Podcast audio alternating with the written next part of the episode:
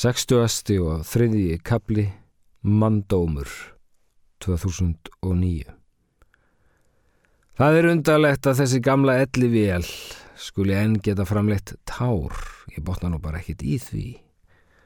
Og þerra nú minn elli vang órans ergjur og íkvæmdi og svo er hitt líka að þessu líkamsrói sé gert að stunda saurframleðslu allt framundir kistulokk eru þetta ekkert annað en hjákátleg himnastríðni einhver tegund af Mekkisens mannkins refsingu á að halda okkur í jöðinu allt til æfi loka starfa, starfa, starfa allt til hinstu þarfa.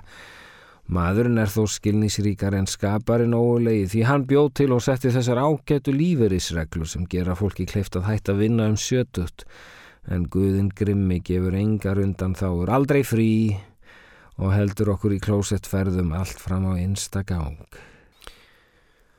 Annars gef ég ekkit fyrir Guð. Það er ekkit annað en frekja í okkur mannfólkin að ætla okkur merkilegri en dýrin og blómin og jörtirnar allar. Ekki hafa kýrnar spunnið upp sinn nauta Jésu, ekki einu sinni túnfífullin trúir á Guð og er þó heimskastur blóma. Nei, þau hafa vitið fram yfir mannfólkið, það sem ég kalla jarðvitið. Já, dýrin blessuð og jörtirnar kunna að lifa, þau vita hvað lífið er og þess vegna erum við svo óskup hrætt við þau skefnurnar. Því sál okkar veit að þau vita meir en við. Það er ég vissum að fývillin býri við dýbri visku en jáfnvel Dalai Lama blessaður, eins mikið og hann hefur þó reynd að kroppa í kjarnan að sagt er, er komin upp fyrir allar aldir að meditera þetta í tómu myrkri og búið með tvo lítra af tefi fyrir hádegi. Ég segi nú bara ef einhver er Guð þá er það ég. Manneskja sem hefur lifað hefur í 80 áraðans að missa vitið, hefur vaknað í fjórum heimsálfum ofan á hundrað karlmönnum, átt börn og mist og skapað heilu sólkerfin af vandræðum en tekist að leysa megnið af þeim með þraut segjum mest en æðruleysi líka og einum dás sem er strópa af göfuglindi sem ég náði að krista út úr nær uppþornuðu líkinu af ömmu minni þar sem hún lág sína eftirbana legu út í ranakofa. Því það veit ég að ég var sjálf minn eigin Guð og sálunar hjálp. Þegar ég baðan góðan bað ég ekki til Guðs, þá bað ég til mín sjálfrar á efstu dögum hátt í himni.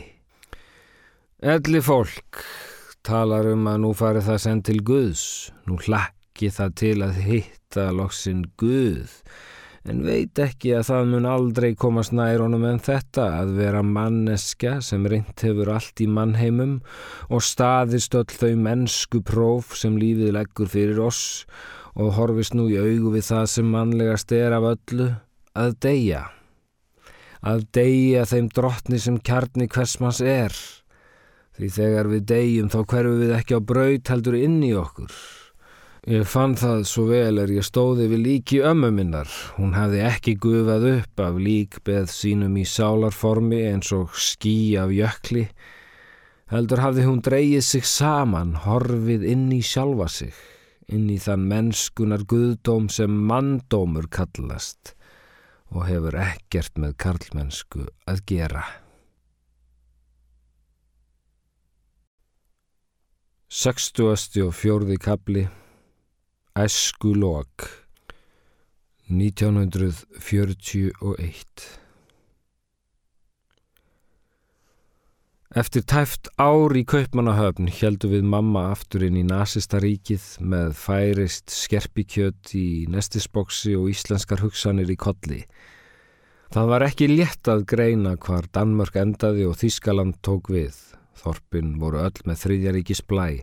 Í Flensburg hægði lestin á sér og gaf farþegum tóm til að virða fyrir sér nýþvegna fána, fægðar stjettar og gljáða búðarglugga fulla af ljósmyndum sem síndu fóringjan og bjart herðu börnin hans öll. Það leindi sér ekki. Hver einasti hurðarhún þessarar músteinsrauðu borgar gislaði af sigurgleði og sjálfströsti og jável hellusteinarnir fengu ekki falið stolt sitt yfir nýjustu landvinningum. Ungverjaland, Slovakia og Rúmenia voru komin í hús. Við stigum út á stöðinni og skiptum um lest, settumst upp í reiksbúandi einvagn, sem dró okkur með háfaða í vesturátt til norður sjávar. Þar stóð og stendur enn ferjubærin Dagebyl sem reyndist vera endastuð bernsku minnar. Mér fannst auðvitað spennandi að fá að fara að heiman og nema ný lönd en hverjustundin kom mér í opna skjöldu. Lestinn namn staðar í miðjum bænum sem samanstóð af tveimur húsum hóteli og lestarpalli. Þaðan gengu við niður á kæjan, tvær kápukonur, lítil og stór, ljósærð og dökkærð. Slíkt var ástandið í byttumálum að mamma hafði ekki ráð á tveimur ferjumiðum og ætlaði því að kveðja mig á bryggjunni. Ég færi ein með bátnum á vit ókunnugra. Til að styrkja stundina saði mamma mér sögur af ömmu veru og sönglaði fyrir mig vísur eftir Astnabjörn úr Akureyjum. Sigli bát og sigli bát, sigli bát í saltangrát, lúka skulum lífsaför, líks í bör. Karlarnir fóru stundum með þetta ótta gladir ef haldið var á sjó í tvísinu veðri. En ég fekk auðvitað enga hugun af þessu en það átti ég fullt í fangi með glæni að kent sem ógs með hverju skrefi Í yðrum mér hófst lítil púpa sem varðan lirfu, síðan ormi og loks litlum hamstri og þegar ég sá hafið breyða úr sér framöndan bryggjustúf varð hamstur skindilega að fullvaksta bjór sem þrengdi snoppu sinni upp í kók og hófa smetla þar í góm án afláts. Ég losaði um rauðan trefilinn en allt kom fyrir ekki. Ég vissi ekki hvaðan á mig stóð veðrið. Ég hafði ekki áður fundist líkan gest í brjósti mér. Hann hafði yfirtekið líkama minn. Það eina sem ég hjælt eftir var vitundin um að ég hefði enga stjórn á honum lengur. Staður einn sem jók aðeins á ekkan og kökkin, þessi orð sem ég læriði löngu síðar. Ferjan var lítil en flóðið hafði lift hennis og landgangurinn var nánast láréttur. Nokkri prúðbúnir farþegar fetuð sig um borð. Við gengum inn á bryggjuna og mamma fór með hinstur áleggingar. Mundu svo líka að byggja fyrir honum pappaðinum. Staðnæmdist síðan lagði frá sér tríharðar töskurnar, sínar og mína og spurði mig hvort ekki er þið nú allt í lægi. Ég kom ekki upp orði, kom ekki hljóði fram hjá bölvans bjórsnoppunni sem fylti hálsminn og helt áfram þessum hræðilegu gómsmellum. Með herjans miklum herkjum náði ég samt að kingja en þá sprungu augun. Ég fór að há gráta. Mamma, mamma mín, ekki senda mig út á sjóin, ekki fara frá mér, ekki skilja mig eina eftir. Ég skildi ekkert í þessu, ég sem hafi lakað svo til, en nei, Nú mátti ég ekki móður missa. Hún faðmaði mig að sér og náði að fara með nokkur hugunar orð en sprakk svo allt í einu sjálf. Í fyrstu fannst mér hún vera hlæja en þegar hún þreif upp kvíta brótir eða vasaklútin sinn var mér ljóst að hún var jafn harmist legin og ég, gott ef ekki betur. Ég horfið forfið á hana þessa mestu konu sem hafiði fæðst á jörðinni en stóðun úr sálbrotin með hrunið andlit og þunnan vasaklút sem sitt eina skjól. Allt í hennu fannst mér hún vera minni en ég og fann hjá mér þörf til að hugga hana, tilfinning sem var hins vegar svo sorgleg að ég fór aftur að skæla. Herramaður með hatt gekk hjá og gaf okkur auga tveimur hákveinandi konum, svo flöytaði karlaheimurinn til brottfarar. Mundu það, herra mín, ég elska það, ég elska þig, mamma elskar þig og á eftir að sakna þín allar stundir, allar daga og nóttunum líka og svo sjáustu aftur í vor. Enkennisklættur maður bar toskuna um borð og ég fetaði mig hægt fram landgangin sem sjálfur gekk í bylgjum tára minna. Færði mig svo fremst í ferjuna sem bakkaði frá bryggju og veifaði máttvana til mömmu.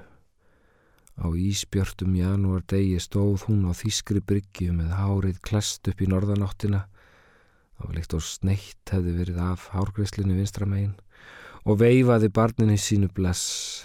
Barmurinn reys og neig og hún stóð áfram og veifaði. Ég vil eftir að báturinn hafi snúið sér. Ég fært mig aftur á dekk og hann silt nokkra lengtir sínar frá landi. Ég fyldist með móður minni verða stúlku síðan brúðu loks tind áta. Hún straug æ oftar framann úr sér með henni hendinni.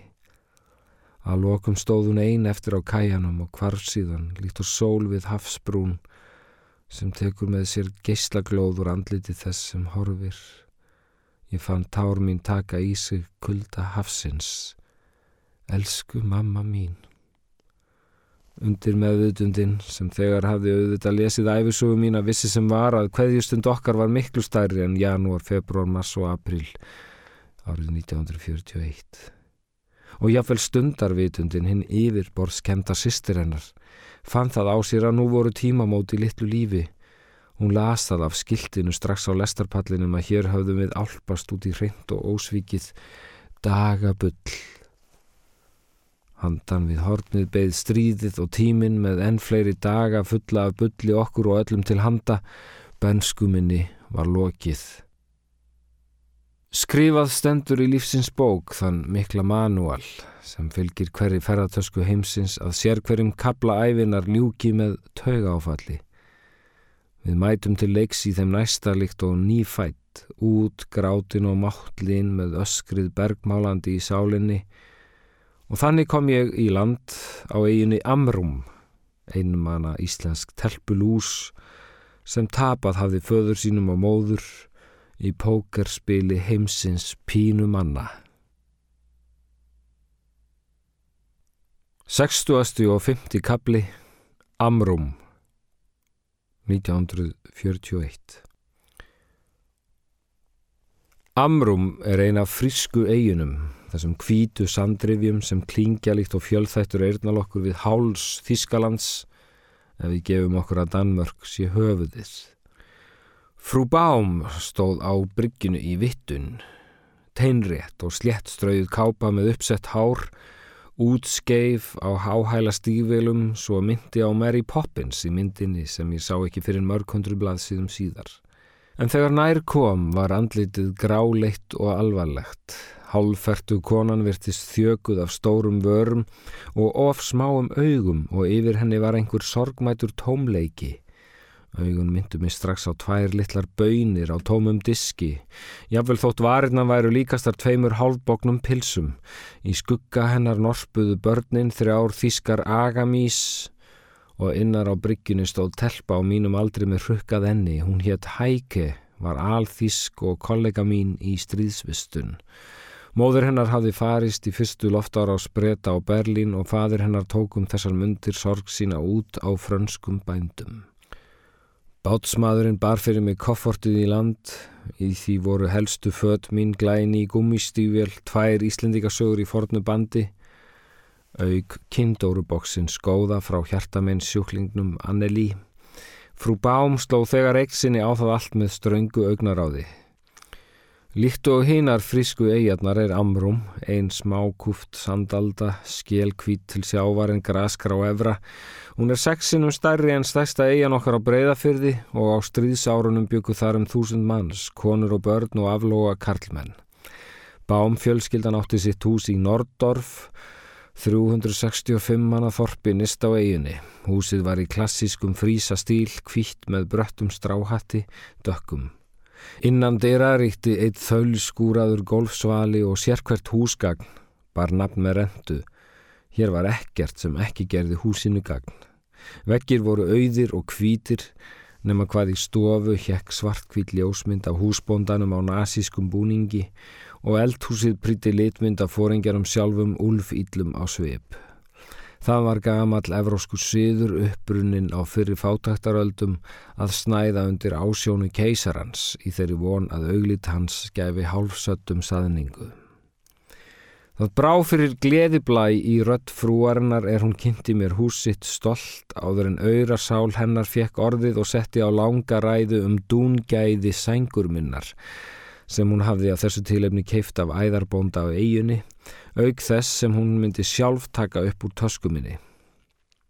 Ég horfi máttvana á eftir koffortinu inn í herbergi hennar og gata engu svarað um hvað mér bæri helst úr henni nema þá helst þískan mín sem ég virtist hafa pakkað helst til djúft. Ég var hálf mállus fyrstu dagana. Tauga áfall gengur ekki niður á manni á nokkrum tímum.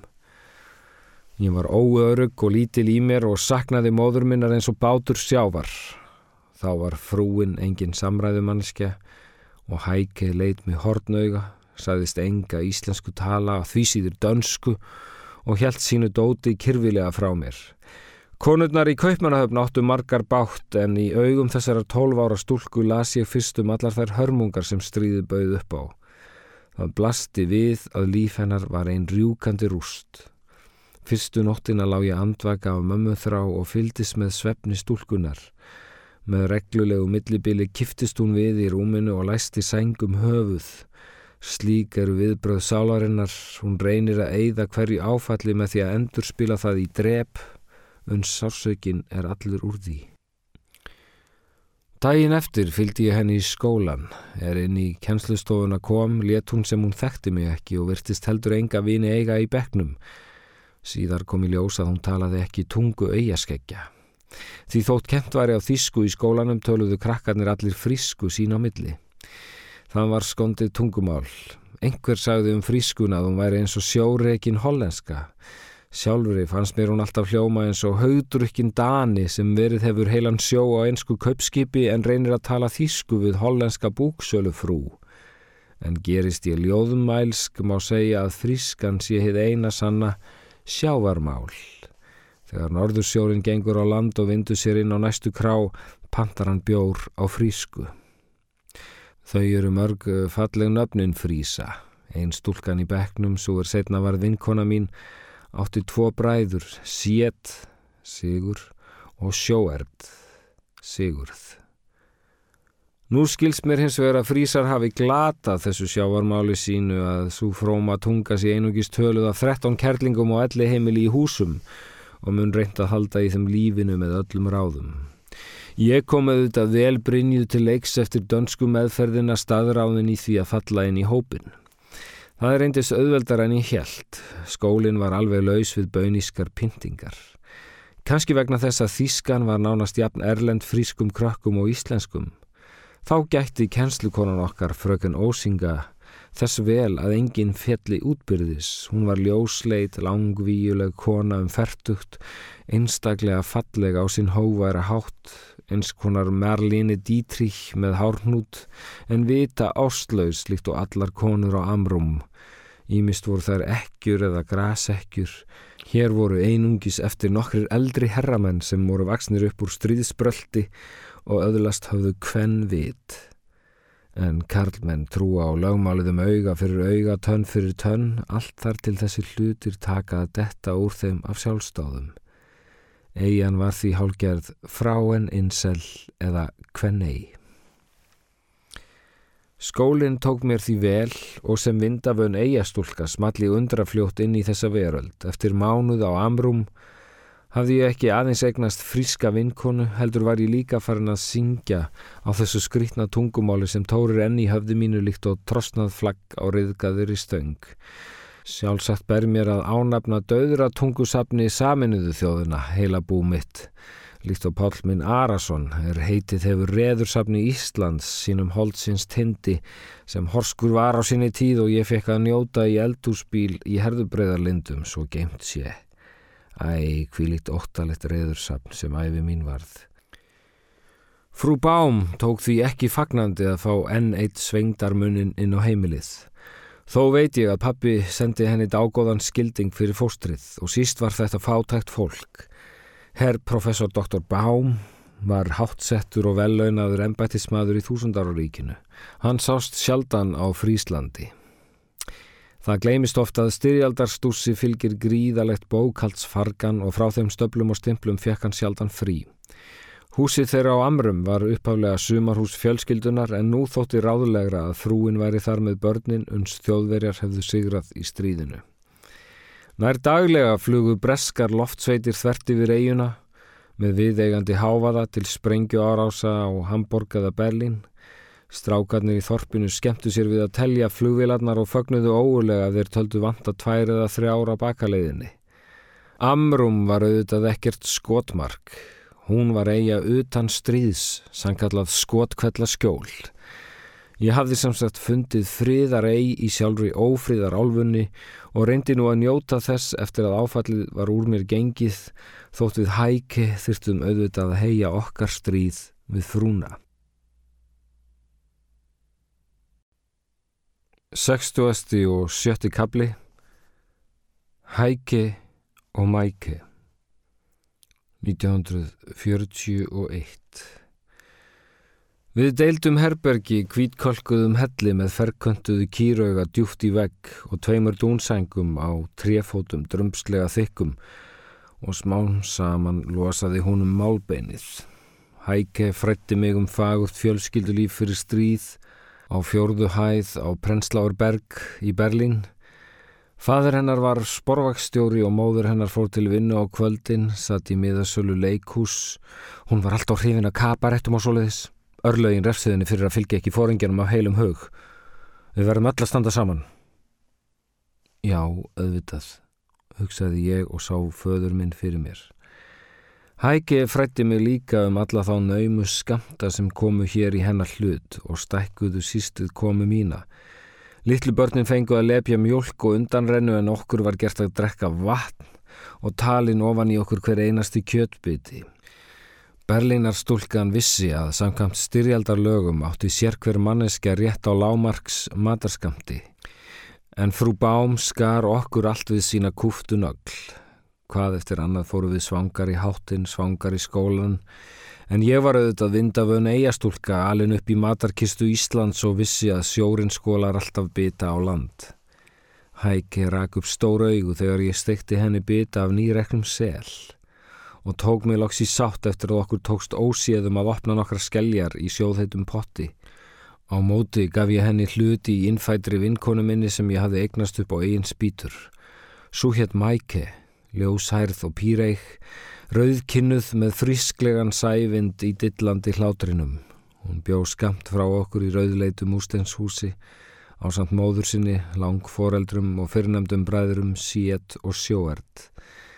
Fadur hennar var fjari heimili, ástsæl fjölskyldumadur sem hafði þann starfa að varpa eldsprengjum niður í enskar smáborgir. Eftir skóla gengum við fjörur í leitað æti, hæke, mæke og ég.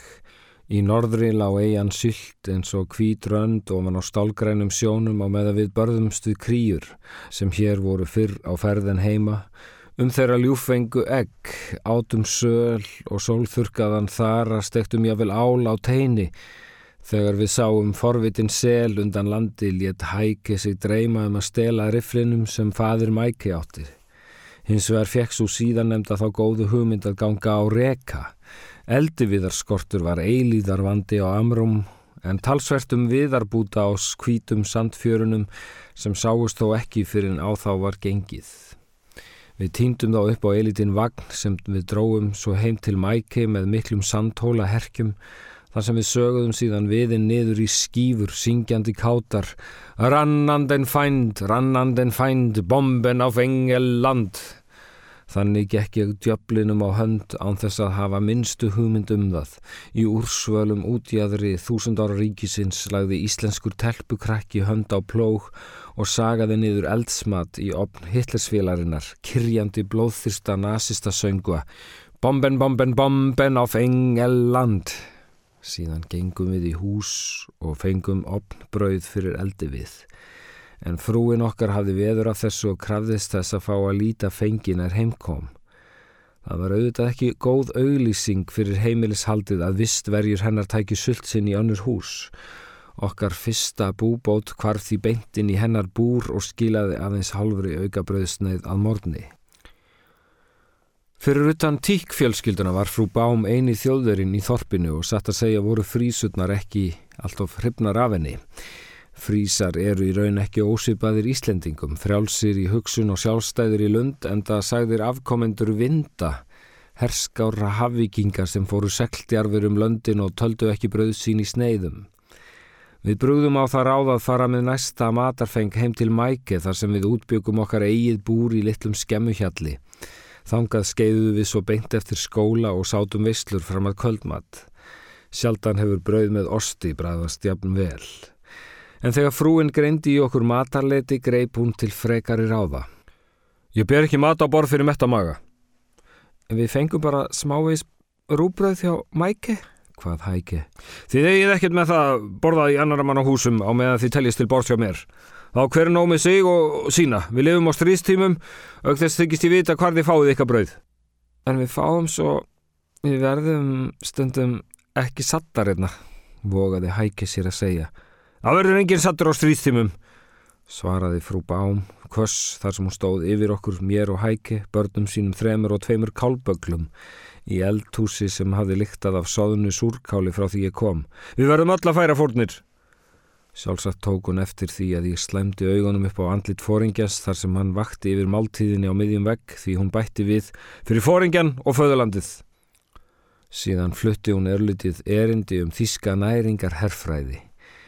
Fólkið heima varð að lifa nöymt því herdeildirnar okkar þurftu á öllum þeim matað halda sem tiltækur var.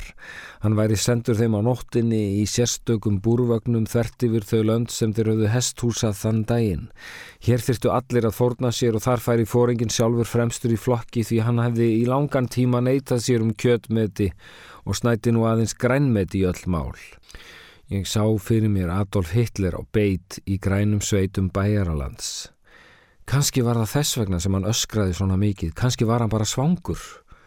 Og í fyrsta sinn fann ég örla á samúð í sinni mínu gagast þessum velgreita manni sem neytaði sér um kjöt og kvennmann fyrir ást sína á fórsturjörðinni. Frúin hafði áður sagt okkur að hann ætti enga konu en það væri hann kvæntur Þískalandi.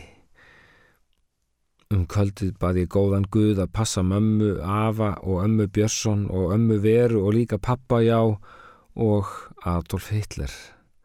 Ég var ekki búin að dvelja viku í stríðslandinu þegar fóringin var skriðin upp í til mín.